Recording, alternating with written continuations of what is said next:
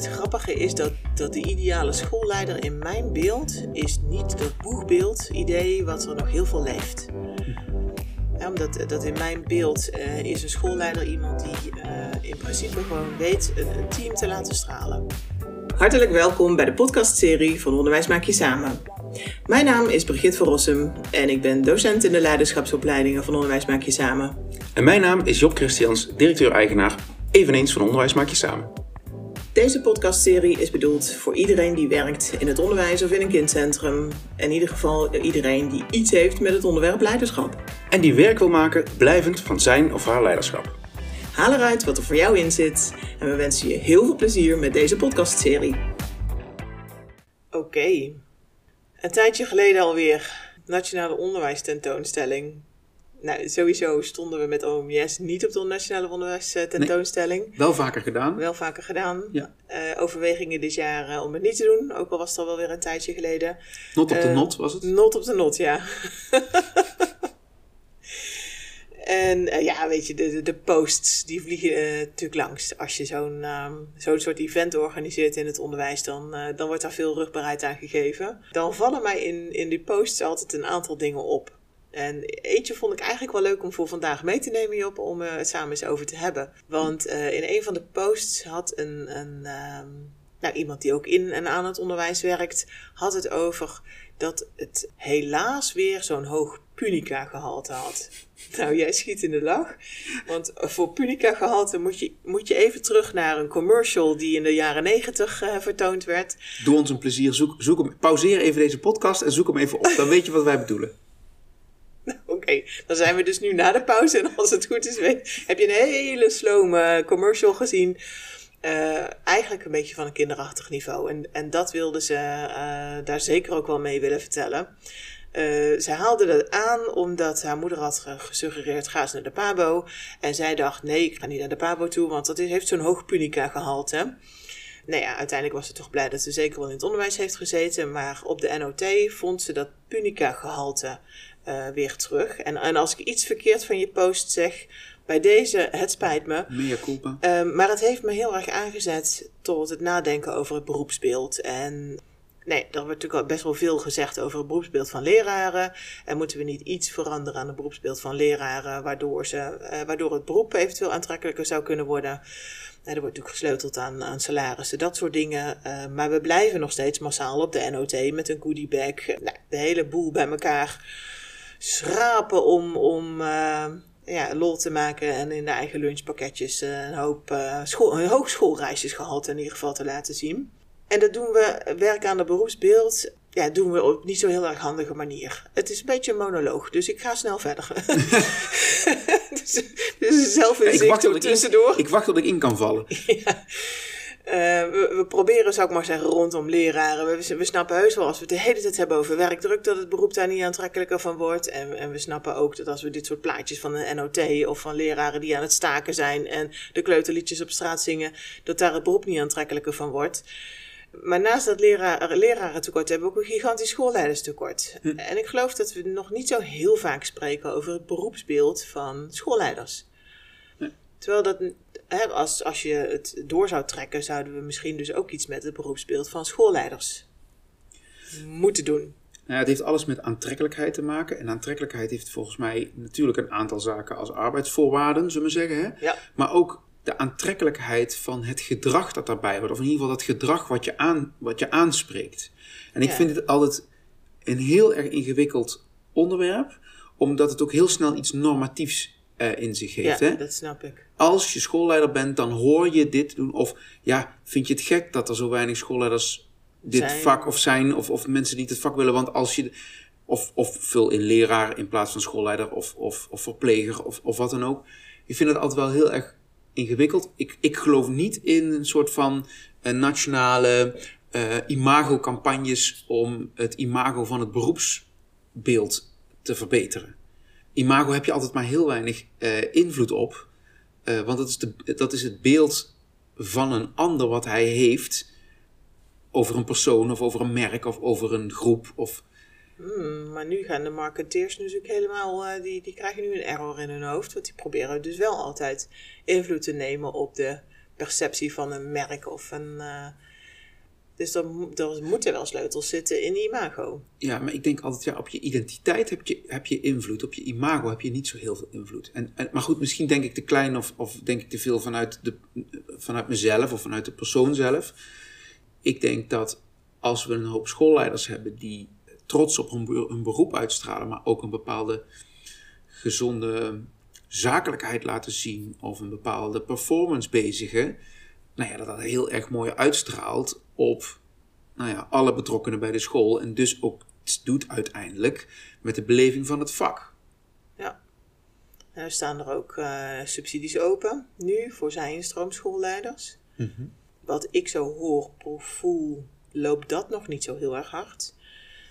Hè, er, zitten natuurlijk ook weer voorwaarden aan een subsidie. Dat mensen eerst in dienst genomen moeten, moeten worden door een schoolbestuur. En dan pas kun je die subsidie aanvragen op de opleiding Ja. voor een zij- en stroomschoolleider. Ja, ga je dat als schoolbestuur doen? Iemand al aannemen voordat je überhaupt weet of dat hij beroepsgeschikt eh, gaat, eh, gaat zijn. En wie wil vanuit het bedrijfsleven eh, uiteindelijk meedoen in het beroepsbeeld wat we nu hebben? K- Kun jij iets schetsen over hoe, hoe, hoe zie jij de ideale schoolleider bewegen? Wat, wat doet hij of wat doet ze of wat laat ze of wat... Kun, je daar iets o- o- Ja. Het grappige is dat, dat de ideale schoolleider in mijn beeld is niet dat boegbeeld idee wat er nog heel veel leeft. Ja, omdat dat in mijn beeld eh, is een schoolleider iemand die eh, in principe gewoon weet een, een team te laten stralen. Mhm. En een team in zijn kracht te laten zetten. En, en de onderwijstaak die er ligt eh, voor de populatie leerlingen die er is, ehm, ja, zo kwaliteitsvol mogelijk tot stand eh weet te brengen. Via de handen dus van iemand anders. Ja. Via de handen van het team. Dus daarmee schets ik eigenlijk een type leider die meer in een faciliterende rol komt te zitten, een netwerkende rol, een overzichtsrol, een soort makelaarsrol, een, een, een bewakende rol van, van kwaliteit, een stimulerende rol van kwaliteit. En, en niet zozeer iemand die eh, aan de buitenkant te zien is, waardoor je er makkelijk een beroepsbeeld aan kan hangen. Mhm.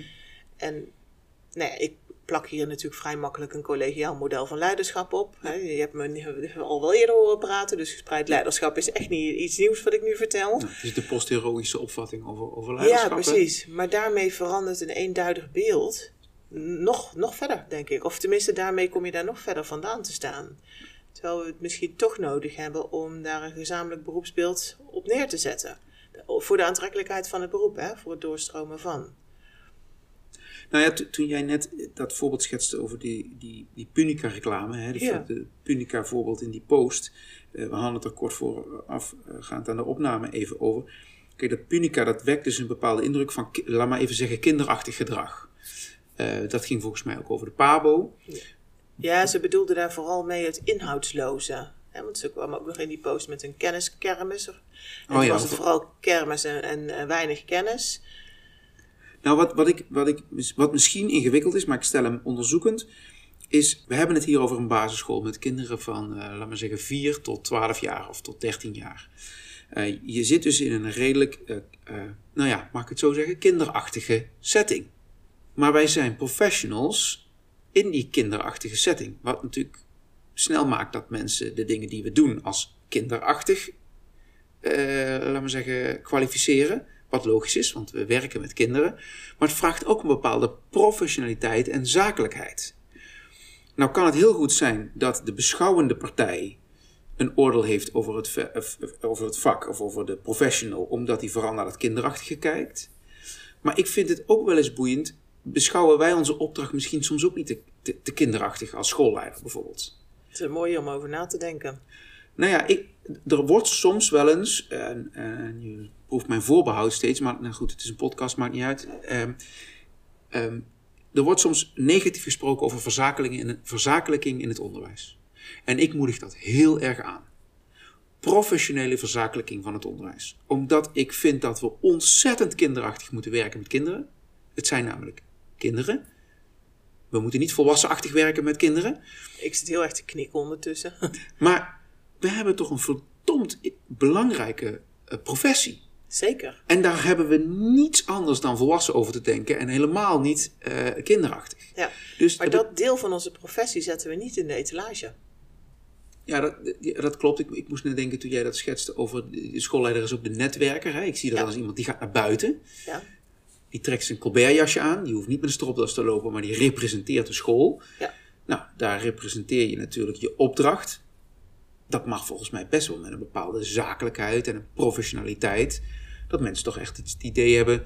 Je doet niet leuk op een school. Nee, je runt een bedrijf. Je runt een organisatie, namelijk een basisschool. ja, je runt zeker een bedrijf.